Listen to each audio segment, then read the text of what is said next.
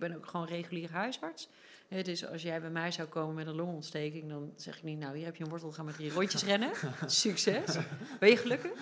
Maar eh, weet je, dan schrijf ik jou gewoon eh, Ja. antibiotica voor eh, als je ervoor open staat.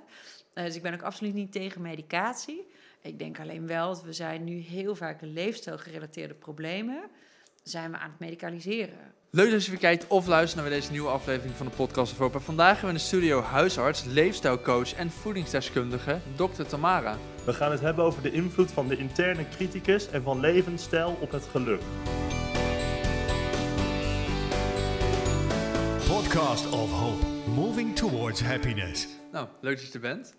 Ja, leuk om hier te zijn. Ja, en wij gaan in de podcast hebben over geluk. Is dat een onderwerp wat je veel bezighoudt in het dagelijks leven? Ja, zeker. Ja, ja eh, we gaan het er vast eh, nog veel dieper op eh, in hebben. Maar ik denk dat nou ja, het eh, streven naar geluk, dat wordt nog wel eens overschat. Of in ieder geval, het ongeluk hoort ook bij het leven. En ik denk dat dat wel echt belangrijk is. Om, we, we proberen de hele tijd continu gelukkig te zijn. Maar nou ja, mijn visie is wel dat dat ongeluk hoort er ook gewoon bij. En het continu gelukkig zijn, dat Ja. kan je ook weer heel ongelukkig maken als je dat nastreeft. Ja, Ja, dat, dat horen we wel vaker in de podcast inderdaad. Juist het proberen, en het te zoeken, het streven is wat ongelukkig maakt, als het ware. Maar wat moet je dan doen? Nou ja, ik denk het begint bij jezelf. En het begint, denk ik, wat mij betreft, ehm, bij jouw zelfbeeld, maar ook hoe veerkrachtig jij bent. En dat maakt wel, eh, kijk, want er, gebeurt ons van alles hè, op ons leven. Ehm, eh, je krijgt eh, geldschulden, je verliest je baan. In mijn geval, ik ben allebei mijn ouders vrij jong verloren. Ja, dat, dat, dat plan je niet van tevoren. Dat gebeurt, soms overkomt het je ook. En nou, dat is echt wel diep, diep ongeluk af en toe. Maar ik denk wel de manier ja, hoe veerkrachtiger jij bent, hoe eh, groter de kans is dat je ook dit ongeluk ja, la- laat, dat, dat het er mag zijn ook. Hè? En dat je niet dus alleen maar blijft schrijven, ja, ik mag nu niet verdrietig of ik mag niet boos zijn of wat dan ook. En ik denk daarvoor is belangrijk dat je vooral heel erg kijkt van, nou ja, hoe oké vind ik mezelf? Dus eh, er zijn zo, we hebben allemaal zo'n interne criticus. Hè? Dus we hebben allemaal gewoon van die zaggerijnige mensen op ons schouder. En die zeggen, nou, weet je, je bent niet mooi, je bent niet leuk, je bent, dit heb je niet goed gedaan. Oh, waarom heb je dit nou niet verteld? Dat heb je niet goed voorbereid. De hele tijd commentaar. En die zeggen zelf van, nou, jeetje, zo, dat ging lekker. Dat heb je goed gedaan. Zo, vandaag zie je er echt super goed uit. Ja. Dus vaak die, dat negatieve, dat, dat blijft veel makkelijker aan ons plakken op de een of andere manier ja. dan het positieve. En daarin gaan we vaak ja, of heel erg pleasen of we gaan heel erg anderen domineren. Om maar gewoon gezien te worden en om ook maar uit anderen de bevestiging te halen van ja, je bent goed genoeg. ja. En wat mij betreft is dat echt de basis voor het geluk eh, en de veerkracht. En dat je ook wat beter kan accepteren dat er, ja, wat er gebeurt. Dus dat is verbinding met jezelf en daarnaast verbinding met de anderen. Dus in hoeverre heb jij echt dierbare vrienden of familie om je heen? Ik heb het niet over die 500 Facebook-vrienden. Nee, precies. Maar echt Ja. gewoon echte vrienden, maar ook vrienden die jou om hulp durft te vragen. Mm. Want hulpvragen, daar zit toch soms ook wel een enorm taboe op. Hè? We leven toch echt in zo'n Facebook, Instagram eh, reality... waarbij alles perfect moet zijn en je moet er altijd perfect uitzien... en je maakt Ja. super vette reizen en je werk is altijd helemaal geweldig. En ja, dat is ook helemaal niet de realiteit. Dus ik denk dat streven we iets na wat, wat helemaal niet reëel is. Maar waarom hebben we dan de neiging om meer naar dat negatieve te luisteren? Ja, dat is een goede vraag. Ik, ik denk, wij zijn, wij zijn groepsdieren. Hè? Dus wij, eh, wij leven in groepen. Gemiddeld genomen, eh, voorheen zaten we in stammen van on- ongeveer 150 personen. En ja, je let de hele tijd op wat doet de ander. Dus wat is Ja. de mores? Weet je, wat is mijn rol? Ehm, dus je wil je ook graag aanpassen, zeg maar, aan de ander. En, ja, en dat maakt toch dat we soms echt wel over onze grenzen heen gaan. Mhm. Terwijl, ja, we er, eh, terwijl we iets doen, zeg maar, waar we, waar we helemaal geen zin in hebben. En misschien een heel praktisch voorbeeld, en misschien mag ik het even niet zeggen. Maar ik had natuurlijk, het is best wel lang, eh, jullie hebben mij al best wel lang geleden gevraagd Mhm. voor deze podcast. En nou, ik doe heel veel dingen daarnaast. En ik reed hier, of nee, gisteren. En toen dacht ik, jeetje, waarom heb ik ja gezegd tegen deze podcast? terwijl, even super eerlijk. Dus, terwijl ik het super tof vind, een super gaaf concept. En ik denk, oh, het is zo belangrijk. Maar ja, er lag al zoveel op mijn bordje. Het was een Ja. hartstikke drukke week. En dan denk ik, ja, weet je, twee uur rijden. En dan moet ik mijn kinderen onderbrengen. En ik zit hier gewoon met jullie nu. En dan denk ik, ja, nee, ik wil hier gewoon nu echt zijn. Weet je, ik, ik vind het zo tof dat dit gewoon besproken wordt. Maar ik denk dat zijn wel... We, ehm, ja, we akkeren maar door en we doen maar dingen. En waarbij we van heel vaak krijgen we van heel veel dingen helemaal geen energie. Ja, en even ervan uitgaan dat we maar één leven hebben. Ja. Ja, ja daar is het leven wat mij betreft wel echt veel te kort voor. Mm. Dus doe echt de dingen waar jij zelf ook heel blij van wordt. En nou, dat maakt dus soms dat je ook nee moet zeggen tegen, tegen andere mensen. En dat, ja, dat vinden we vaak niet leuk. Om de kans eh, ja, dat, Ja. dat we afgewezen worden door de ander. Maar is wel eh, heel nodig om daarbij de dingen te doen die, eh, die je wel energie geven. Nee, maar dat gevoel herken ik wel heel erg van het, inderdaad wat je dan zei over de podcast. Van, ah, waarom heb ik hier eigenlijk? Ja. nou? maar ehm, om terug te komen, dat dat stemmetje inderdaad. Ja. Ehm, we hebben wel andere eh, gasten gehad die dan zeggen van ja, je moet daar eigenlijk gewoon niet op letten. Maar dat Ja. lijkt me dan ook niet helemaal de bedoeling. Want het is Nee. niet alsof dat stemmetje helemaal nooit gelijk heeft. Of zo, Nee, toch? nee, zeker niet. Nee, ik denk, je hebt, je hebt angst en je hebt intuïtie. Hm. En ik denk dat intuïtie is supergoed om naar te luisteren. En angst zijn alle beren en slangen en vossen en god weet wat allemaal op, eh, op de weg. En dat is meer van, ja, ehm, nou heb ik dit gezegd en wat vinden jullie daarvan en wat vindt Ja. de luisteraar daarvan en had ik dit eigenlijk al moeten zeggen en oh nee, wat is dit nou voor een raar begin van de podcast? Nou, en dan kan dus die angst kan helemaal, maar dat gaat erom. Dus ik wil gezien worden door jullie, ik wil dat jullie mij aardig vinden, ik wil dat de gasten, ik heel graag dat die denken, zo, die Tamara de Weijer, nou, die heeft echt wat bij te dragen. Eh, maar de angst van, ja, maar ben ik wel goed genoeg? Weet je, ben ik wel oké? Kan ik dit wel zeggen? Dat is zo'n continue angst. En die komt echt voort uit ja, dat we bang zijn om buiten de groep te vallen. Mhm. Ehm, ja, en, en dat is dus helemaal geen intuïtie meer. Dat is helemaal geen, oh, dit is volgens mij mijn pad. Dit, hè, hier word ik blij van. Ik zie zoveel mensen op mijn spreekuur, die, die slepen zichzelf echt van dag eh, tot dag. Hè, die doen werk waarbij ze denken, ja, nee, maar ik kan echt, ik kan geen ontslag nemen. Eh, want, nou ja, hey, ik moet toch mijn huur betalen, of ik moet dit, of ik moet dat. En we zitten zo vast in angst en onmogelijkheden, wat er allemaal niet kan. Dat ik denk, ja, dat is ook maar iets wat we, eh, ik denk onszelf, maar ook elkaar hebben, op, eh, ja, hebben opgelegd. Hè? Ik werk inmiddels, werk ik zo'n, nou, ik denk eh, gemiddeld 25 tot 30 uur per week. En sommige weken werk ik 20 uur per week. En ik, ik merk aan mezelf dat ik dan, dan voel ik me soms een beetje schuldig. En denk ik, oh, ik werk maar 20 uur per week. Dat kan, dat kan toch eigenlijk niet? Je, kan, je moet toch echt gewoon met je hard werken. Dat is heel tof en dat is heel stoer.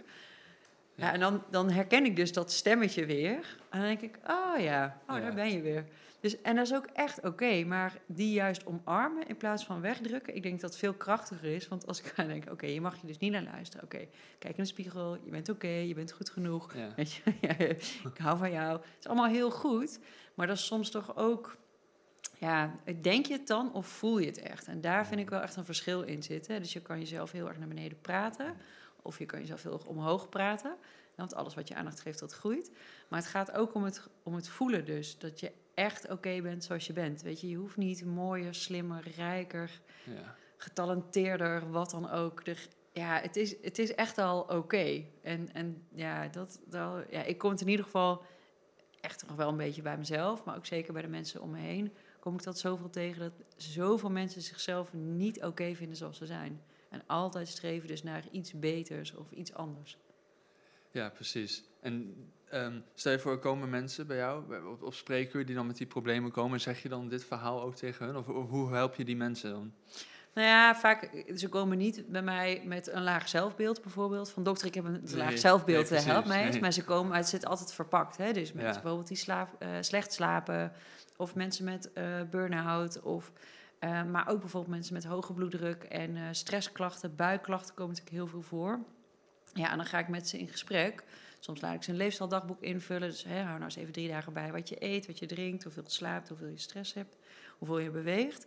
En dan krijg ik vaak al best wel een, een plaatje van, eh, nou, hè, zo zit jouw leven in elkaar.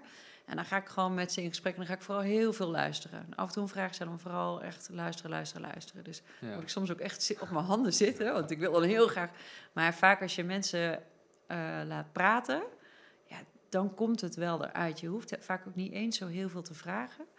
Ja, en dan komen dit soort eh, dingen komen al vaak gewoon echt wel naar boven. Ja. Ehm, ja, dus het gaat veel om luisteren en af en toe gewoon een, eh, een vraag stellen. Ja, ik denk dat mensen het ook wel fijn vinden om gehoord te worden. Vooral in een veilige omgeving. Absoluut, absoluut. En ik denk ook dat is zo'n kans voor ons als arts zijnde ook... om niet onze medische lijstjes door, ja, door te akkeren... en dan denken, nou, je heeft uh, poeder of pil uh, X, Y, Z nodig. Ja, En dat is wat het is. En ik denk dat, nou, ja, dus echt te gaan luisteren van wat zit hier nou achter, dat maakt ook dat je, eh, wat mij betreft, veel meer op eh, preventie inzoomt.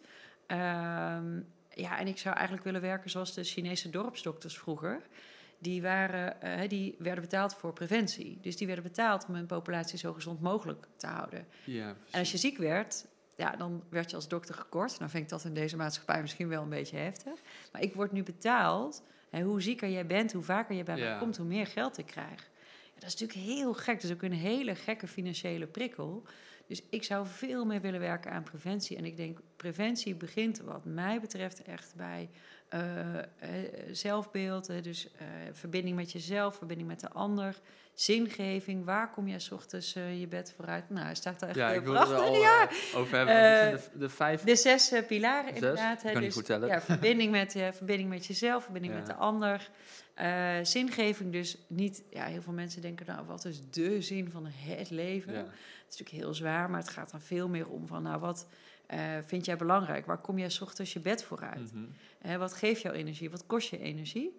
Ja, natuurlijk voeding. Hè? Dus ja, je voeding heeft zoveel invloed op hoe jij je voelt, eh, hoe jij de dag doorkomt. Hè? Ik zeg mijn patiënten ook wel eens, als jij de hele dag diesel in je benzineauto gooit, ja, dan gaat het eventjes goed, maar die auto gaat haperen en op een gegeven moment valt die stil. Ja. Ja. als jij alleen maar junkfood eet, als je alleen maar heel sterk bewerkt eten eet en alleen maar cola drinkt en wit brood en chips en kant-klaar maaltijden, ja, het is niet zo heel gek dat jij heel weinig energie hebt of dat je eh, veel buikpijnklachten hebt of, eh, of hoofdpijn. Nee. Weet je, dus dat zijn wel, ja, het is je brandstof, dus die is een- zeker belangrijk.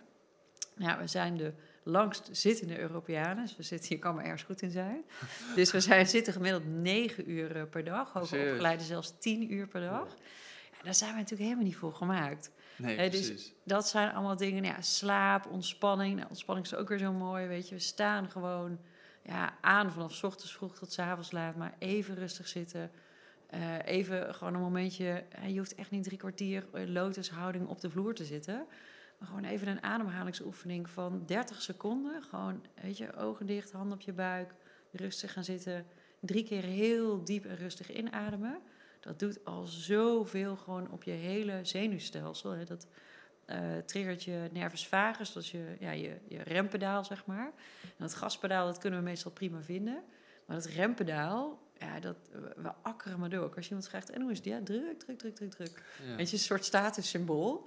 En dat maakt wat ik net zei, dat gewoon 20 uur per werken, dat ik me echt gewoon bijna schuldig voel als ik dan gewoon een, een, ja, een boek lees op de bank. Gisteren was ik jarig toevallig en toen heb ik gewoon een uur lang met een, met een boek op de bank gelegen. Toen dacht ik, wow, dit is echt heel lang geleden. Toen dacht ik, ja, maar nu mag het. Nu ben je jarig. Wat natuurlijk echt compleet onzin is, maar dat mag altijd. Maar eh, ja, eh, eh, wat liever zijn voor onszelf. Ik denk dat daar begint geluk wat mij betreft bij. Ja, want het is tegenwoordig denk ik wel een heel erg eh, een druk om succesvol te zijn en inderdaad Ja. veel te werken. En dat, jij, jij ziet dus dat het eigenlijk ook heel veel problemen met zich meebrengt, Ja, die, die tijdsgeest. Ja. Nou ja, ik ben sowieso echt helemaal niet van het eh, materialisme. Ik, ben, ik hou helemaal niet van eh, grote auto's, weet je, een groot huis, wel dure ja. Staat er niet tussen, past niet bij het Het leefstijl zou wel grappig zijn als er nog Ja. een auto Ja. Heel veel geld. Nee, kijk, het is super fijn om geld te hebben. En ik, ik heb eh, wel vanuit mijn jeugd, maar daarna nooit meer geld zorgen gekend. En dat is natuurlijk dat is super fijn. Ik kon ook totaal niet met geld omgaan. Ik ben geëindigd geloof ik met een studieschuld van 75.000 gulden, euro. Eh, ja, dat was helemaal niet nodig geweest. Maar dat, nou, ik had een gat zo groot, dat mijn hand was bijna niet meer zichtbaar. Eh, dus door mijn man echt veel bewuster met geld omgegaan. En ehm, ja, ik merk wel, wij hebben nu het, eh, het, het streven om, als ik 50 ben, dus over negen jaar, om dan te kunnen stoppen met werken als we dat zouden willen. Ja, En dan dus echt veel kleiner te gaan wonen, kleinere of geen auto. Ehm, ja, en dan wel gewoon financieel onafhankelijk te zijn. Ja. Ik denk dat dat is iets dat we zitten in zo'n consumptiemaatschappij met meer, meer, meer. Weet je, dure vakanties. Hè, wat ik zei, we laten onszelf helemaal strak trekken. En we willen het, het ene huis is nog groter dan het ander. Ja, dat, ja, en dan, weet je, dat, dat zorgt zelden of bijna nooit. We weten dat echt geld zorgen, dat zorgt echt wel voor ongeluk. Maar een modaal inkomen hebben of twee, drie, vier, vijf, zes keer modaal, dat geeft niet meer extra geluk als je alles kan kopen en alles kan doen. Nee. Dus ehm, ja, Ja. geld om echt goed mee rond te komen, dat is fijn. Maar nog meer geld maakt niet gelukkiger. Nee, precies. Nee. Ik wou nog heel even over die, die, die pijlen, hoe, hoe noemde je ze? Het leefstijlkompas. Het leefstijlkompas hebben. Ja. En ehm, is het dan de bedoeling, stel je voor, er is wat ja, mismatch, ik kan even niet een betere benaming. Ja. eh, eh, je hebt wat problemen, Ja. dan moet je kijken bij welke van die de oorzaak ligt. Of is het de bedoeling dat deze allemaal in een soort van balans met elkaar werken? Of, Ja, en het eh, fantastische voorbeeld zeg maar, is alles in balans. Dus Ja. je hebt een zinvol leven, elke dag sta je vrolijk op. Je eet fantastisch, je beweegt voldoende, je slaapt goed. Je hebt elke dag ontspan je, maar dat is natuurlijk helemaal niet de realiteit. nee. Weet je, er is altijd wel één van deze is er uit balans. Maar het gaat erom, wat is jouw veranderwens? Wat zou jij nou anders willen? Als alles kon, zeg maar, wat is nou, wat zou je anders willen? En dat kan soms zijn eh, minder hoofdpijn, minder buikpijn, eh, minder medicatie. Maar dat kan soms ook zijn, goh, ik zou wel meer voldoening willen eh, in het leven. Ik zou het willen afvallen. Ik zou, nou, wat ik vaak tegenkom met oudere mensen is eh, minder medicatie. Ik zou heel graag met mijn kleinkind willen spelen. Hè? Dus ik voel me nu gewoon niet te fitte opa of oma. Dus ehm, ik zou mijn veters wi- weer, weer willen goed kunnen strikken, zonder dat ik daarmee al helemaal gewoon buiten adem ben. Ja. En kijk, ik denk preventie zoals we hem nu vaak aanvliegen is... Nou, het is wel belangrijk om dit allemaal op de orde te hebben. Want anders, hè, nou, jij bent 26, wat zei je? 24. 24 zelfs. Nou, want anders heb je misschien over 50 jaar heb je wel kans op een hartaanval. Ja, dat is natuurlijk Ja. veel te ver van je bedshow. Ja. Ja, daar ben je. En jij ook. Je bent ook hartstikke jong, weet je. Ik ook. Ik ben 41. Ik ben daar ook echt totaal niet mee bezig. Nee. Maar wat ik merk is, als ik veel ongezonder eet... dan krijg ik gewoon bijna acuut last van mijn buik. Mhm. Dus dat is voor mij een heel mooi intern kompas van... oh ja, weet je, daar heeft hij eens op letten. Als ik, ik ben in de regel best wel een goede slaper. Als ik niet goed slaap, dan denk ik... oh ja, weet je, weer heel even kijken, waar zit ik nu? Dus dat had ik eh, begin van dit jaar nog even. Toen dacht ik, ja, nee, ook qua werk... dan moeten gewoon echt een aantal dingen anders. Want dit, dit voelt gewoon niet goed, dit zit niet goed. En dat is, is, soms is dat heel acuut, maar soms is dat ook een beetje zo'n sluimerende onvrede. Dat je denkt een beetje, ik ben wat prikkelbaarder, ik ben wat geïrriteerder. Het, ik zit gewoon net niet helemaal lekker in mijn vel. Ehm, ja, en dan raad ik altijd mensen aan, want eh, om één ding uit te zoeken. Want dat gebeurt vaak in januari. Hè? Dan hebben we allemaal goede Ja. voornemens. En dan stoppen we met roken, stoppen we met drinken. Dan gaan we super gezond eten. Dan gaan we elke drie keer per week naar de sportschool. En elke dag mediteren. Op tijd naar bed. Geen Netflix, binge, avonden meer. En gemiddeld genomen duurt het twaalf dagen voordat al die goede voornemens al de prullenbak in zijn. ja. Nee, dus je brein krijgt echt een soort kortsluiting. Ja. Ehm, dus kies dan, als je denkt, hmm, weet je, ik zou wel ergens verandering op willen. Ja, kies dan één ding uit. En wat de hele wereld aan het hardlopen is, hoeft dat echt niet eh, te zijn dat jij ook gaat hardlopen. Hè? Ik hoor Hmm. dan zoveel mensen ook zeggen, oh, ja, ik zou eigenlijk wel meer moeten sporten. Dan vraag ik, ja, maar van wie moet je dat dan? Ja, maar het is toch gezond? Ik zeg, maar ja, wil je dat dan? Ja, nee, dat wil ik eigenlijk niet. Ik zeg, van mij moet je het niet hoor. dus maar dat moeten, moeten, moeten, dat Ja. zit zo. En dat is eigenlijk waar we het net over hadden, is ook die druk die we ervaren van buitenaf, die zit meestal in ons hoofd. Dus die druk die is er heel vaak niet, maar die leggen we onszelf heel vaak op. En dat is een beetje wat je zegt ook met dat succesvol. Het is maar net naar wie je kijkt, eh naar wie je luistert en wat jij eh, vindt als succesvol. Ja, ik vind als je succesvol afmeet aan eh, materiële bezittingen, ja, dat kan. Is niet mijn mate van succes. Nee, precies. Ehm, hè, maar oké zijn met jezelf, overwegend gelukkig zijn en waardevolle relaties ook met eh, hè, de mensen om je heen en een zinvol leven leiden. En dat is eh, hè, iets doen waar je goed in bent, ehm, ook iets doen waar je geld mee kan verdienen, iets wat de wereld eh, bijdraagt. En, ja, en vooral iets waar je heel erg van houdt. Ja, dat is voor mij veel meer succesvol dan een groot huis of, eh, of een dikke bak. Dat, ja, ik heb daar gewoon niet ja, zoveel daar ben ik het ook met je eens. Nee, Ja. ja. Maar Zijn de, de, de facetten van het kompas ook met elkaar verbonden of zo? Dus bijvoorbeeld als je niet goed eet, dat dat dan ook effect heeft op hoe je slaapt, dat soort dingen. Absoluut, ja.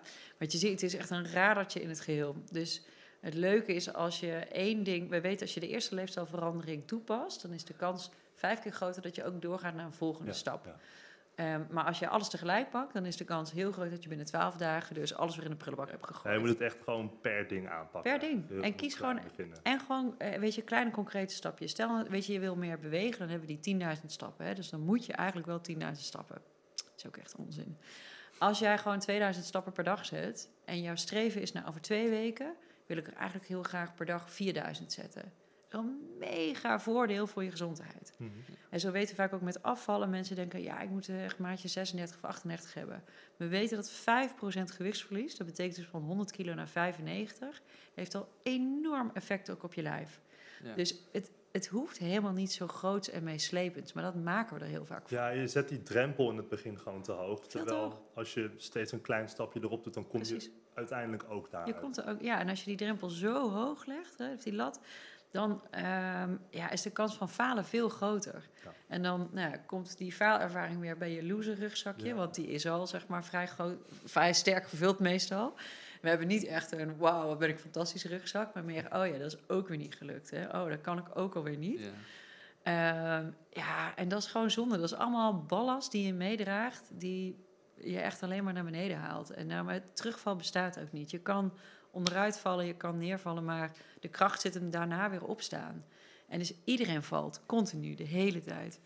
Ik, ik doe voordat ik denk. Ik, ik, ik heb dit ook totaal niet voorbereid. Ik denk ook, ja, er, er komt wat er komt. Ja. Eh, en dat, dat maakt het denk ik ook veel echter, ook veel puurder.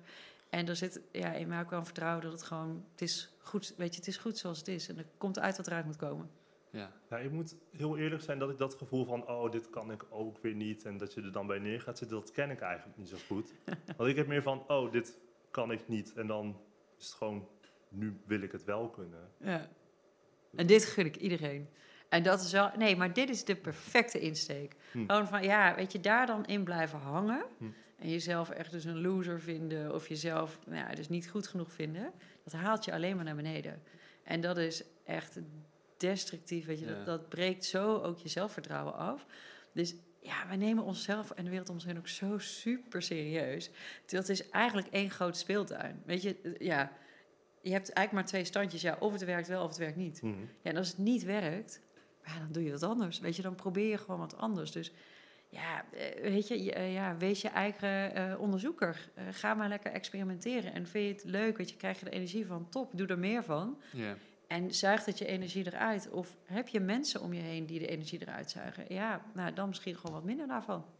Ja. ja, helemaal mee eens. Ja, Ehm, nou ja, de podcast gaat natuurlijk over geluk. En ik vraag me af, is dit ook op een of andere manier te linken aan geluk? Zij voor je hele kompas is gewoon helemaal in orde. Dan ben je dan gelukkig. Ja, dan ben je een stralend zonnetje, zeg maar, eh, in Ja? de lucht. Nee, ik denk dat het absoluut bijdraagt. Kijk, ik denk al deze elementen, hè, ehm, als je hem even omdraait, als jij niet goed slaapt, als je alleen maar gestrest bent, als je super slecht eet, als je alleen maar eh, achter je bureau, zeg maar, zit, geen zingeving ervaart eh, of geen verbinding met jezelf, met anderen. Ja, dat doet absoluut af aan jouw gevoel van geluk. En ik denk dat hoe meer nou ja, je deze in balans hebt, hoe meer ik verwacht ook dat je heel gelukkig bent. Maar goed, en wat ik straks al zei, soms, ja, dan, dan ik, ik had dit best wel goed op orde. eh, en toen drie jaar geleden eh, ja, overleed mijn vader onverwachts. Eh, Ja. En, en binnen, ja, hij werd ziek en binnen twee weken was hij overleden. Ja, dan kan dit allemaal op orde zijn. Ehm, maar ja, toen was natuurlijk de ontspanning was, natuurlijk ver, ver te zoeken. Eh, en mijn gevoel van zingeving of wat dan ook. Want ik Ja. vond mezelf vooral echt heel zielig dat ik dacht, ik ben nog geen 40 en ik heb geen ouders meer. Ja. Ja, dat had ik, dat had ik nooit verwacht. Mijn ouders waren super jong. Ehm, maar gaandeweg, en zeker ook met behulp van echt een... Ja, ik heb ook veel gesprekken gehad met een, eh, een hele fijne coach, Angelique van Hest. Ehm, merkte ik wel weer van, nou, de, ik kom weer s- steeds makkelijker terug bij mezelf. Waarbij dat eh, tien jaar geleden nog, eh, mijn bijnaam met mijn twintig jaar was Dramara. Dus eh, ik kon er toen niet zo heel erg hard op lachen toen ik erachter kwam. nu vind ik hem echt super grappig. Dan zeg ik het ook tegen mijn kinderen, zeg ik ook, oké, dit is wel een beetje drama, hè? Dit is echt, dus het wordt echt zo'n gig, zeg maar, in ons gezin. Maar ik kon zo goed drama maken, wat eigenlijk helemaal niet zo heel veel drama was. En het verlies van je ouders, dat is natuurlijk ook echt best wel Ja. een drama. Ehm, maar ja, luister, ik heb mijn, mijn ouders wel meer dan 30 jaar bij me gehad. Hè? Dus, Ja. dus, en ze hebben mij zoveel gegeven en ze zijn zo'n enorm voorbeeld eh, voor me geweest dat het, ja, kijken naar wat je wel hebt, ehm, is, eh, maakt dat je zoveel veerkrachtiger bent dan te blijven hangen in, oh, weet je, het is echt zo erg en mijn leven is zo zwaar en dan ben ik ook nog mijn ouders kwijt en Ja. Oh, weet je, dat, en, en ik denk dat ik ben van mezelf ook best wel een positief mens. Dus dat maakt ook, ja, mijn glas is altijd half vol. Eh, maar ik kon dus wel heel goed, ja, mee blijven deinen, zeg maar, in dat drama. En Ja. wat mij heel erg heeft geholpen is ook, een zinnetje, ik weet al niet eens waar het vandaan komt, is eh, this too shall pass. En dat vond ik zo, dat, dus alles gaat voorbij. Ook de, ook de mooie momenten, hè. Maar ook alle diepe ongeluk. En je, je bent altijd bang hè, van, nou, dit is voor altijd. En hier kom ik nooit meer uit. Want die worden altijd en nooit, die slaan helemaal nergens op. Maar je bent bang dat je daar gewoon voor altijd in blijft zitten. Maar alles gaat gewoon voorbij. Alle, weet je, alle ellende, maar het hopeloze van, ja, dit wordt nooit meer goed. En dit gaat nooit meer ja, goed komen. Dat maakt ook, dat haalt ons enorm naar beneden. Ja. Waarom staan altijd en nooit nergens op?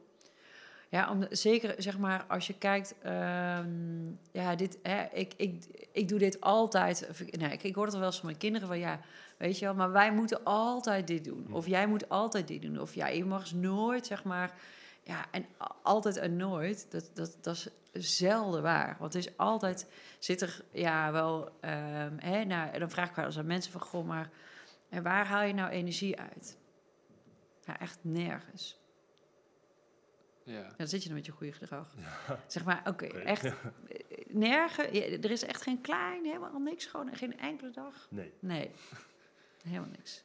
Heb je, heb je huisdier of zo? Ja, ik heb een kat. Oké, die kat geeft je ook nooit energie. Ja. Ja, en dat is denk ik ook, hè, dus heel vaak vraag ik, ik ben natuurlijk heel veel bezig met leefstijlveranderingen, zeg ik, ja, ja, gewoon weet je, wat zou nou een eerste stap kunnen zijn? Ja, dat weet ik niet. En dan is de neiging om dan direct meer te gaan vragen. Maar soms moet je ook gewoon even stil zijn. Dan moet je mensen ook even de kans geven om eens te kijken van, nou, maar wat... eh, er zit altijd gewoon, ja, altijd. Grappig, wat een onzin inderdaad. Bijna altijd zit er echt wel iets. Ja, oh, grappig. Ja, Nee, wij- vaak. Ja. Ik snap wel wat je bedoelt, want dat Ja. zijn eigenlijk hele absolute termen die je Ja. gewoon Ja. te, te snel gebruikt. Ja, Waardoor je eigenlijk je er ook bij neerlegt Ja, dat het precies. nooit zo is. Dat het is zoals het is. En ik denk ergens zit dat een, is dat iets heel moois, hè? Om je erbij neer te leggen van, ja, het is zoals het is.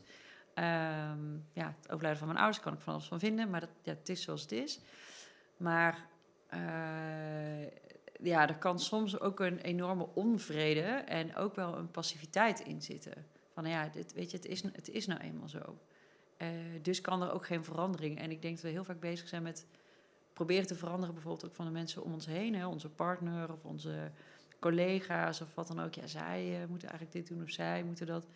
Ja, je, je kan andere mensen, denk ik, in de basis niet makkelijk veranderen. Ik durf nou helemaal niet, geen nooit meer te zeggen. Ja, omdat het ook niet helemaal waar is. Of je Nee. kan wel mensen. Je kan zeker wel, ja, maar je kan mensen inspireren, denk ik. En Ja, ik denk dat eh, je kan mensen beïnvloeden. Maar eh, ergens zijn ze ook, ja, doen zij, hoe harder je dat probeert, het helpt vaak, het helpt vaak niet. Ja. Eh, je bent ook helemaal niet ver- verantwoordelijk voor hen, maar wel voor jezelf. Precies, ja. Maar die verantwoordelijkheid voor jezelf nemen, dat is soms toch ook nog echt best wel een lastige. Eh, want het is soms toch wel wat makkelijker om dingen buiten jezelf te leggen Ja. dan om zelf de Ja, verantwoordelijkheid dat te is kijken. comfortabeler. Ja, zeker. Weet je, eh, ja, eh, we hebben een gesprek. Lief is geen goed gesprek. Gaat niet over dit gesprek. Maar is een on- dan is het makkelijk. ja, word je ongemakkelijk. Ehm, dan is het gemakkelijk om te denken: ja, maar hij stelde ook echt zo rare vragen. Weet je, dit, ja, nou ja, nou, hier kon ik echt niks aan doen. Dus dat is veel makkelijker om hem dan bij jou te leggen en om te denken: hmm, oké. Nou ja, misschien had ik me eigenlijk toch wel gewoon een beetje voor ik vind dat je hele rare antwoorden geeft. Eigenlijk. Ja, ja, nee, ja, ja.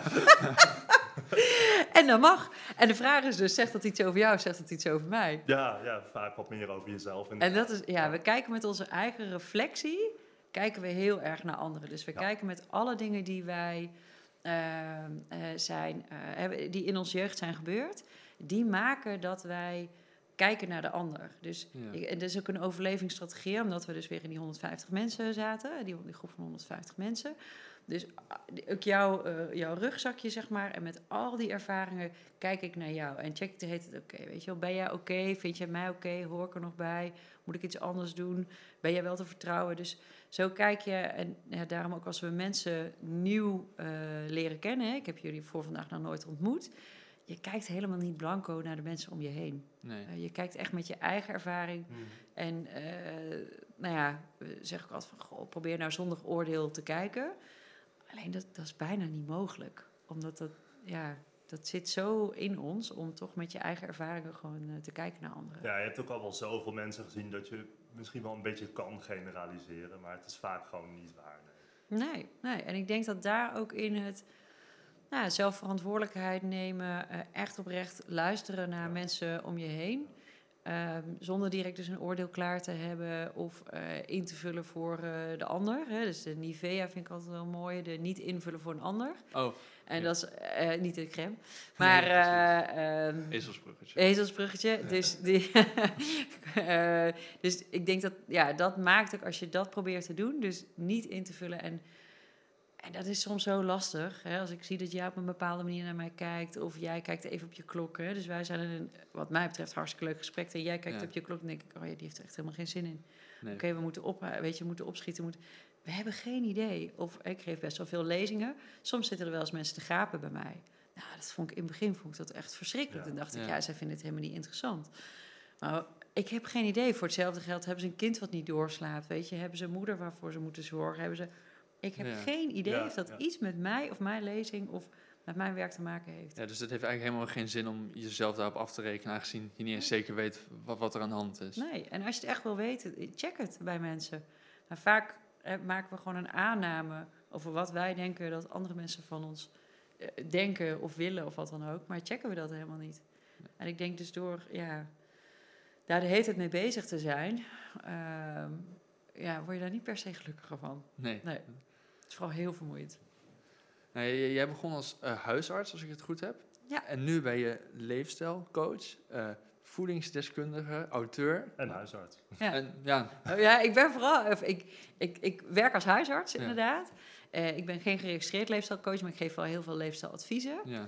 Ja, voedingsexpert vind ik altijd een heel moeilijk woord. Ja. Ik, ik weet absoluut veel, veel over voeding. Maar ja, wie, wie is een expert? Wanneer weet je alles? Ehm, maar wel ja, een huisarts met een enorme passie voor voeding en leefstijl. En Ja. dan leefstijl echt in de breedste zin van het woord. Ja, dus ook zingeving en Ja. ook verbinding. Ehm, nou ja, en misschien dus voor deze podcast heb ik er ook wel nooit zo over nagedacht. Maar wel dus met geluk als centraal thema. Ja. Eh, dus eh dankjewel jongens. Ja, Ja. Graag gedaan, 2,50. Ja, ja, ja. Nee, maar, nee, maar eh, stom. Eh, Fantastisch. Eh, maar hoe, hoe, hoe, is dat zo, hoe is dat zo gekomen? Eh, Van waar deze soort van switch? Want het is niet Ja, een, eh, hoe zeg je dat? Een, heel gebruikelijk. een heel gebruikelijk pad nee. voor een huisarts om Nee. in te slaan. Nee, dat klopt inderdaad. Nou ja, dat is een jaar of tien geleden gebeurd. Absoluut niet vanuit mijn opleiding. eh, want daar, ja, ik denk als ik in negen jaar tijd twee middagen heb gehad over voeding en leefstijl, dan was het echt heel veel. Terwijl het minimaal de helft is van wat ik elke dag in mijn spreekkamer zie. Maar dat klinkt wel belangrijk, voeding en Ja, dat vind ik ook. Ja. Ja, ja, ja. Nou ja, want die curricula is... Kijk, het lastige is... eh, moet er iets in, dan moet er ook iets uit. En iedereen vindt zijn stukje belangrijk. Ja. Eh, maar wat mij betreft, en er is al echt wel veel aan gedaan hoor... maar eh, mag er nog veel meer aandacht over. En ik denk dat de helft... Ik weet niet, ja, dat zou een redelijke utopie zijn. Maar als het een kwart zou zijn van de hele opleiding... Nou, dan kom je echt wel een heel, eh, heel eind. Dus daar is het zeker niet vanuit ontstaan. Ehm, maar ik ging naar de geboorte van mijn eerste dochter. eh, ja, toen was ik al tien jaar lang had ik overgewicht en darmklachten en voelde ik me niet helemaal fit. En toen ben ik door een bevriend huisarts anders gaan eten. Dus bij mij is het echt gestart met voeding. Ehm, en merkte daardoor dat ik veel minder darmklachten had. Dat ik voor het eerst gewoon een gezond gewicht had. Ehm, dat ik veel meer energie had ook om te bewegen. Ehm, dus dat heeft bij mij het echt voor mezelf in gang gezet. En vanuit daaruit ben ik patiënten gaan begeleiden. Ja, en merkte ik, het is een zoveel leuker stukje van mijn vak geworden. En ik, geef, ik ben ook gewoon regulier huisarts. Dus als jij bij mij zou komen met een longontsteking, dan zeg ik niet, nou, hier heb je een wortel, ga met drie rondjes rennen. Succes. Ben je gelukkig? Maar eh, weet je, dan schrijf ik jou gewoon eh, antibiotica voor eh, als je ervoor open staat. Dus ik ben ook absoluut niet tegen medicatie. Ik denk alleen wel dat we zijn nu heel vaak leefstijlgerelateerde problemen zijn we aan het medicaliseren. Ehm, dus ehm, in de eerste plaats eh, maag-darmklachten, maar ook diabetes type 2, hoge bloeddruk, hoog eh, cholesterol, eh, depressie. Hè, dus bijvoorbeeld ru- running therapie is net zo effectief bij milde depressie als antidepressiva. Oh. Hardlopen. Ja, dan denk ik, Eh, eh, in de bijwerkingen. nou ja, precies. ik weet, ja, misschien blessures als je niet goed aanpakt. Dat Ja. Maar verder, eh, en er- ik denk dat mensen zich dat soms niet echt beseffen, is dat er, er zijn geen middelen zonder bijwerkingen. Zelfs het simpelste paracetamolletje heeft gewoon bijwerkingen. Nou ja, en bijwerking, zeg maar, eh, even buiten de blessures. Nou, laten we zeggen, als je gaat wandelen, Mhm. Ehm, en zeker als je dat in de natuur doet. Nou, en je beweegt veel meer. ehm, vaak uh, mensen krijgen veel meer ontspanning. Hè. We weten ook dat de natuur ontspant. Uh, door dat bewegen slaap je vaak beter. Doordat je beter slaapt heb je minder snij uh, trekken. Dus dat, heeft een, dat zet echt een ja, cascade gewoon in, ja. uh, in gang. Zonder in ieder geval negatieve bijwerkingen. Met allerlei positieve bijwerkingen. Dus ja, daarom denk ik wel bij leefstijl gerelateerde problemen, ja, zet leefstijl op één en medicatie op twee. Hè. Als je er echt niet uitkomt, want het leven is ook niet helemaal maakbaar, ja, dan is medicatie prachtig. Ik zou ook niet zonder willen. Alleen nu vind ik wel vaak dat er te makkelijk uh, pillen worden voorgeschreven, waarbij dat in de eerste plaats eigenlijk helemaal niet nodig is. Ja, en, en, en hoezo gebeurt het dan? Want dit verhaal klinkt best wel logisch ja. uh, als je dit zo zegt. Het leefstijl nummer één en dan als, ja. als dat niet werkt, medicatie. Ja, waarom doen we dan alsnog iedereen pillen geven? Nou, uh, omdat wij zo zijn opgeleid. Ja, nee, supergoeie vraag. Zo zijn wij opgeleid. Ja. En ik denk, als je kijkt naar onze huisartsenstandaarden, dus dat zijn onze richtlijnen, daar staat bij nou, minimaal de helft van de richtlijnen, misschien zelfs wel richting drie kwart, staat bij de behandeladviezen staat altijd eerst niet medicamenteus. Dus wat kan je doen aan leefstijl? Um, het staat er allemaal in. En we slaan toch massaal die stap uh, over. Omdat we toch vaak denken, ja, maar mensen houden het toch niet vol. Of uh, dat gaat helemaal niet. Of ze staan er niet voor open. En het wordt soms gegeven tegelijkertijd met een pil. Omdat we toch een beetje die... Nou, het is toch de quick fix dan wel. Ja. Hè? Ja. Terwijl, ja, zeker bijvoorbeeld bij mensen met nieuw diabetes. Hè, bijvoorbeeld diabetes type 2. We hebben een miljoen mensen in Nederland van is echt, en we noemen dat wel eens de ouderdomse suikerziekte, zit hier nog ver vanaf. Het is eigenlijk een leefstijlsuikerziekte. Hmm. Dus uh, daar komt ongeveer 90% komt door een ongezonde leefstijl. En je hebt er drie tot zes maanden om met mensen aan hun leefstijl aan de slag te gaan, voordat er wordt geadviseerd van ja, nu moet je toch wel echt medicatie gaan starten. Tenzij de glucose helemaal uit de bocht vliegen, maar dat is meestal niet. Wat vaak gebeurt, is dat er toch al bij het eerste consult medicatie wordt gegeven. Waarbij de prikkel om ook nog aan leefstijl te doen, ja, die, die wordt ook weggenomen. Want ja. ja, je hebt dat pilletje al. Ja. Dus ja, waarom zou je dan ook nog meer gaan hardlopen? Terwijl wat ik vaak doe, zeker mensen met nieuw diabetes, leg ik uit, of, of nieuw hoogbloeddruk of hart- en vaatziekte of darmklachten of maakt, hoofdpijn, maakt eigenlijk niet zoveel uit. Dan zeg ik van, nou goh, dit is een beetje wat het is. Nou, ik heb er medicatie voor. Um, super effectief. Heeft ook best wel wat bijwerkingen. Um, sta je open voor een andere benadering. Dat we kijken of voor door middel van leefstijl, dan is de kans heel groot dat je er ook vanaf komt zonder bijwerkingen. En ik hou je goed in de gaten. Uh, als het niet gaat, zeg maar, altijd medicatie. Ja, dan is mijn ervaring is zelden dat mensen in de eerste plaats kiezen voor medicatie. Mm. Dus het is ook maar nou ja, de toon van de muziek. Hè? Dus hoe, ja. hoe breng je het? En dat is denk ik wel... Uh, ja, dat, dat is ons ook niet echt geleerd om dit soort gesprekken te voeren. Levert medicatie misschien ook het meest op?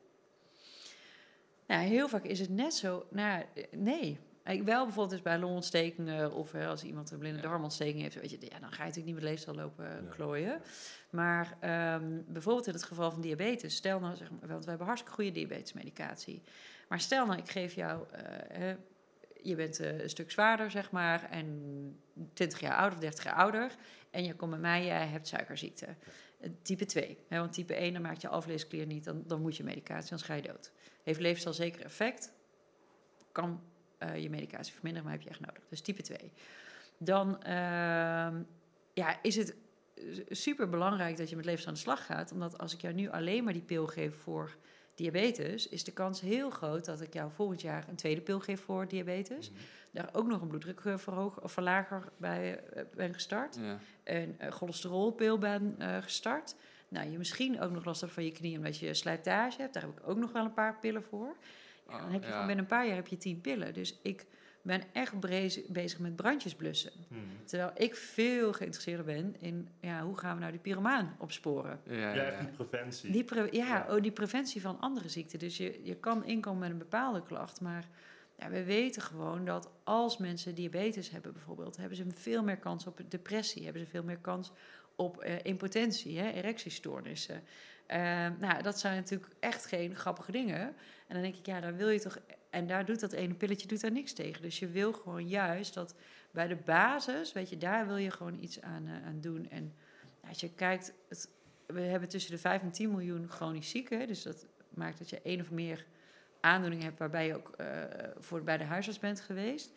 Ehm, v- chronisch. Daar is het gros van is leefstijl. Dat is gewoon echt leefstijl. En dan denk ik, ja, daar moeten we echt massaal op inzetten, ja. wat mij betreft. Ja. Ik kan me ook voorstellen dat eh, wanneer je bijvoorbeeld hè, je leefstijl verandert om zoiets op te lossen, dat je veel meer voldaan voelt. Misschien als het heeft gewerkt, dat je Ja. jezelf de, de gereedschappen leert om, om ermee om, om te gaan. Ja, zeker. En ik denk dat dat zijn die succeservaringen die je juist wil vergroten. Ja, En dat het wel lukt en dat het gewoon wel kan. En ja, ik denk voor mensen om eh, geen medicatie nodig te hebben, of zeker als ze chronisch medicatie, om dat af te bouwen, dat is zo'n krachtige stimulans voor mensen om die leefstijl dus echt wel vol te houden. En ja, wat ik zei, ja, daarom is preventie is soms best wel moeilijk. Ja. Maar als je ergens klachten van hebt en je wil gewoon van die klachten af, dat maakt jouw prikkel om daadwerkelijk gewoon iets daaraan te doen veel groter. Als jij nergens last van hebt, ja, waarom zou je dan iets veranderen? Ja. Ehm, maar als jij wel ergens last van hebt en je hebt daar de juiste hulp bij, dan ja, kan het natuurlijk echt, eh, dan is dat echt het vliegwiel waarbij de kans veel groter is dat het ook daadwerkelijk lukt. ja. Met vallen en opstaan, altijd. Is leefstijl een probleem tegenwoordig? Leven we in een leefstijlloze tijd? Als je kijkt bijvoorbeeld, voor mij meer dan de helft van mensen in Nederland hebben overgewicht. Ehm, Ja. ja, Ja, nee, zeker. Kijk, wij, wij zitten met een, een lijf en een brein eh, wat helemaal niet bij onze omgeving past. Dus als je kijkt ons, hoe ons brein werkt, hoe ons lijf werkt, eh, wij zijn gemaakt voor energieopslag, wij zijn gemaakt voor energie sparen. Ons brein is gemaakt om te reageren op alle prikkels, zeg maar, om ons heen. Hè. We hebben nu gewoon een hartstikke interessant gesprek, vind ik. Eh, maar mijn telefoon ligt hier. Ja, toch wel? Ja. Ehm, en hier ligt mijn telefoon en die gaat af. Ja, dan kijk ik naar die telefoon. En dan Ja. maakt niet uit hoe interessant dit gesprek is. Dus wij zijn natuurlijk heel erg vanuit een prikkelarme omgeving. Hè? Dus voor, toen wij nog jagers-verzamelaars waren, voor de landbouw... moest je gewoon een hele prikkelarme omgeving. Dus je moest reageren als daar een beer of een sabeltandtijger was... of een rivaliserende stam. Ja, dan moest je gewoon aanstaan. Alleen tegenwoordig kan je brein, zeg maar, tussen een eh, telefoon of een beer, die maakt niet meer dat verschil. Of er, weet je, er valt dadelijk een lamp eh, naar beneden. Eh, nee, weet je, eh, ja. dan ben je daarop gefocust. Dus we hebben een hele ehm, prikkelrijke omgeving. Dus met allemaal signalen die continu op ons komen. Met een overwegend heel ongezond voedselaanbod. Hè, dus 70% van wat er in de supermarkt wordt aangeboden... valt buiten de schijf van 85% in alle aanbiedingsfolders. 70? 70, ja. Dus Zo. 80% in alle aanbiedingsfolders. Zo. Enorm. Ja. Eh, maar ja, kijk ook maar eens, en dat is al de supermarkt. Nou, kijk maar eens bij elk tankstation, bedrijfskantine, op Het scholen, zal wel 100 zijn. ziekenhuizen. Ja, dat is natuurlijk echt niet het gezondste aanbod. We hebben een lijf wat is gemaakt voor energie sparen. Dus daarom is heel vaak ja, een avondje Netflixen op de bank... is veel aantrekkelijker dan s'avonds nog een wandeling te gaan maken. Hmm. Ehm, dus, ja, dus dat maakt dat wij een, een lijf en een brein hebben... wat heel goed functioneerde in die oertijd... ehm, maar nu eigenlijk helemaal niet meer zo heel goed functioneert. En dat, weet je, dat wil gemak en dat wil genot. En dat ja, wil eigenlijk eh, gewoonte. Je wil niet na hoeven denken over, eh, over dingen. En daarom is het zo belangrijk om dus gezonde gewoontes te maken. Kleine stapjes, wat een gewoonte wordt. Waarbij je niet meer na hoeft te denken. Want dat, ja, dat heeft te maken met je brein. Je hebt je oerbrein, dus die staat ingesteld op overleven. Maar die neocortex, dat is een beetje die walnoot als je er van buiten tegenaan Ja. kijkt. Ja, dat is ons nieuwste, neo-nieuw, dus ons nieuwste brein. Maar die prikkelverwerking gaat veel langzamer dan het reptiele brein, dus dan dat oerbrein. Dus dat maakt, een, maar dat, eh, eh, die neocortex, dat, daar worden de verstandige beslissingen gemaakt. Hmm. Ja, dat oerbrein, dat, ja, Ja. dus je kan supergoeie voornemens hebben, maar ja, ben je hongerig en moe en ligt een zak chips in de kast. Ja, vergeet het maar. Weet je, je, je Ja. gaat gewoon. Die roept naar jou totdat je, totdat je te pakken hebt. Ja, dat ken ik wel, ja. Ja. Maar als er dan een soort van oerstaat is waarin het lichaam en het brein beter functioneert, vind ik het dan toch raar dat we, we Ja, ja. massaal besloten hebben dan zo te gaan leven. Dat is wel apart, toch? Ja, maar dat is natuurlijk gewoon echt met de, ja, de landbouw. eh, hè, voorheen trokken we natuurlijk heel veel rond. Met de landbouw zeg maar, gingen we ons ergens vestigen. Ja. Maar toen had je zeg maar, echt vanaf die 19e eeuw. Hè, toen, was, eh, nee, toen kreeg je de lopende panden, toen kreeg je de industrialisatie. En toen zag je ook een veel hogere, zeker de tweede helft van de 19e eeuw, veel hogere bewerking van ons, mate van bewerking van ons voedsel. Ja. Ja. en wij hebben een brein wat gaat voor vet en zoet. Dat vinden we heerlijk. Daar slaan alle stoppen op door. Dus onze dopamine, hè, andere neurotransmitters, serotonine. Die vinden dat fantastisch, want dat was er vroeger ook niet zoveel. Dus het bevat veel calorieën, calorieën vaak. Dus yes, moet je voor gaan. Daar spelen voedingsmiddelenfabrikanten natuurlijk heel handig op in. Hè? Dus die sweet spot, once you pop, you can't stop. Eh, dat is een perfecte balans tussen vet en zoet. Ja, en je, je gaat gewoon. En er zijn zeker mensen met ongelooflijk veel discipline... die kunnen echt gewoon één of twee chipjes pakken. Of een half koekje of twee chocolaatjes. ja. Maar dat, met zo'n brein wat ingesteld wil pakken wat je pakken kan, ja, dat helpt gewoon niet mee. Dus ik denk dat we, nou, daarin denk ik ook wel eh, winst en eh, ja, winstgedreven zijn geworden, de industrie. En er is gewoon, heel, dat, ja, het is natuurlijk super goede business. Ook als je kijkt wat voor marketingbudgetten er voor eh, heel sterk bewerkt voedsel is. Het is natuurlijk veel meer dan, dan de groenteboer. Weet je, dus en dat zijn ja, vaak toch de producten die natuurlijk niet zo heel goed zijn. Het is natuurlijk echt niet allemaal. Er worden ook hè, heel veel initiatieven steeds meer gelukkig. Ja. Het is echt al de afgelopen tien jaar veel verbeterd. Omdat we nu pas een beetje bewust worden van... Hmm, eh, we hebben altijd heel erg gezegd van ja, het is de verantwoordelijkheid van het individu. Ja. Weet je, dus ja, eigenlijk als je gewoon eh, te zwaar bent...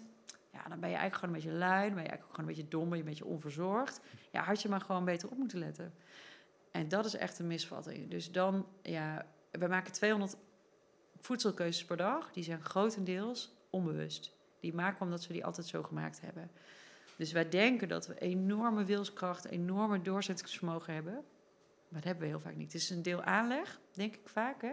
Eh, dus wat voor familie kom je, wat voor genen heb je? Eh, wat zijn je eetgewoontes, ook van je familie? Dat is een heel groot deel eh, omgeving. Eh, dus voedselomgeving, dus ook daarbij weer ja, families, feestjes, dat soort dingen. En, ja, en dus gewoon die, die werking gewoon van dat brein. En dus het is zoveel meer dan alleen maar het, de verantwoordelijkheid van het individu. En daarom vind ik het ook zo mooi, weet je, nu zijn er preventieakkoorden, hè, de gecombineerde leefstijlinterventies, sinds eindelijk, eindelijk wordt die vergoed. Dus er wordt wel veel meer geïnvesteerd op leefstijl. Ehm, maar ja, ik ben niet zo'n heel geduldig mens, dus voor mij mag nog wel echt Ja, wel net even wat sneller. ja. nou ja, dat denk je hier ook. hè, Als we toch even terugkomen weer bij het thema geluk. Dan denk je, dit is zo'n belangrijk onderdeel. Hmm. Hebben we het hier met onze kinderen op school over? Eh, en want daar, daar begint het natuurlijk al bij. En zowel de basisschool als de middelbare school. Hè. En eh, nou ja, je, je ziet het ook, mijn oudste zit in groep 7. En het is echt interessant wat dat doet. Dat meidenvernijd eh, is echt eh is. Venijn, eh, dat, dat, dat gaat al die groepjes en het gaat allemaal klikken en het gaat allemaal... Ja. Ja, en dat zijn echt momenten, weet je, waarbij iedereen van, oh, je wilt toch ergens bij horen. En dan ga je toch ook die andere een beetje naar beneden drukken. Hè? Dan ga je een beetje lelijk doen tegen die ander. En wij weten ook dat pesten, dat ook al is dat op basisschoolleeftijd ge- gebeurd, dat kan je hele leven lang, kan je dat gewoon achtervolgen. Nou, en reken maar dat dat echt veel ongeluk geeft. Reken maar dat dat iets doet met je zelfbeeld. Mhm. En ja, ook op middelbare scholen. eh, en wordt er zoveel gehamerd op ehm, prestatie. Dus eh, weet je, nu ook weer CITO-toetsen. Heb je HAVO, VWO. Ja, is, de- is dat echt het belangrijkste? Is, is die prestatie dus... Hè, dus inderdaad die, die succesmaatschappij. Ja, en ook daarbij zie ik absoluut wel... de afgelopen tien jaar is daar wel veel meer aandacht voor. Dus maar nou, ook daar mag je voor mij nog wel iets sneller. Ja, dit is zo'n belangrijk thema, hè? Dus laten we hier meer over praten. Ja, ik zou er ook graag over doorgaan, maar we zitten een beetje aan de tijd. Ja. Dus, Dus ik, ik, ik ga eigenlijk naar de laatste vraag toe. Ja. Eh, we vragen al onze gasten een voorwerp mee te nemen. Ja. Als ze gelukkig worden of inspiratie uithalen. En hier liggen voor me twee bonen. Hier liggen twee bonen. Dit zijn twee eh sugar snaps uit eh, mijn eigen moestuin. Oh. En eh, waar ik ja, naast mijn gezin en het liefst met mijn gezin super blij van word, is natuur. En natuur in de breedste zin van het woord. Dus ik woon nu eh, in de buurt van Amersfoort, eh, dicht bij een bos. Dus daar ben ik heel veel te vinden. Veel in het park ook daar. Maar sinds vorig jaar heb ik mijn eigen moestuin. En ja, dat vind ik echt zo fantastisch. Dus gewoon iets Ja. zien groeien echt vanaf... Dus deze heb ik echt vanaf een zaadje opgekweekt. En dat je het nu gewoon kan eten. Ja. eh, biologisch helemaal opgekweekt. Ja, dat vind ik echt dat vind ik zo te gek. Dus ik ben ook al steeds grotere stukken van onze eigen tuinen. ben ik, Ja, steeds meer moestuin. zet ik ja. steeds meer moestuin. Ja. En ook heel veel bloemen, maar heel weinig betegeling. Want totdat Eh, je alles kan eten eigenlijk. nou ja, het zou toch tof zijn. Je hebt ook zoveel eetbare bloemen heb je ook. En eh, nee, ik, eh, ja, dat buiten in de natuur, dat, eh, dat geeft me ontzettend veel eh, geluk en eh, rust. Ja, Ja. mooi. Kan ik me voorstellen. ja. Ja. Nou, als eh afsluiter vragen we altijd onze gasten een tip willen geven aan de mensen die luisteren. Eh, hoe zij gelukkig kunnen worden of inspiratie kunnen krijgen in het leven. Ja. nou ja, kijk, kijk dus echt naar jezelf. Weet je, vind je jezelf echt oké zoals je bent? Of zeg je van ja, nee, er zit, er zit gewoon iets wat mij, een patroon wat mij continu tegenhoudt. Ja, zoek dan hulp van echt een goede psycholoog, weet je, een goede coach. Want dit haalt je altijd een beetje naar beneden. En dit zorgt voor ehm, dat je de kwaliteit van de relatie zeg maar, met de mensen hè, die jou dierbaar zijn echt minder wordt. Maar houd je ook tegen in eh, werk, in nou ja, je dromen navolgen, wat die dan ook mogen zijn. Dus kijk vooral naar jezelf. En als je jezelf al helemaal oké vindt zoals je bent, tof, lekker houden zo. En als dat niet zo is, eh, vraag daar eh, hulp voor. Nou, mooi. Ja. Nou, heel erg bedankt dat Ja. je hier langskwam. Heel graag gedaan. Bedankt voor het kijken of luisteren naar deze aflevering van de Podcast of Hoop. We hopen dat je ervan hebt genoten of misschien wel geïnspireerd door bent geraakt. Iedere zondag om 10 uur komt er een nieuwe aflevering online op YouTube, Spotify en op al je andere favoriete podcast apps. Ook kun je ons vinden op www.podcastofhoop.nl. Tot ziens en veel geluk! De wereld waarin we leven biedt nog geen gelijke kansen. Voldoende eten en drinken. Een adequate opleiding. Goede gezondheidszorg. Vrede en geluk is niet voor iedereen weggelegd. Maar stap voor stap wordt het beter. En zijn we op weg naar een octopische samenleving waarin iedereen zijn of haar leven als goed kan beschouwen. Het is een lange reis, maar we zijn op weg. Podcast of Hope. Moving towards happiness.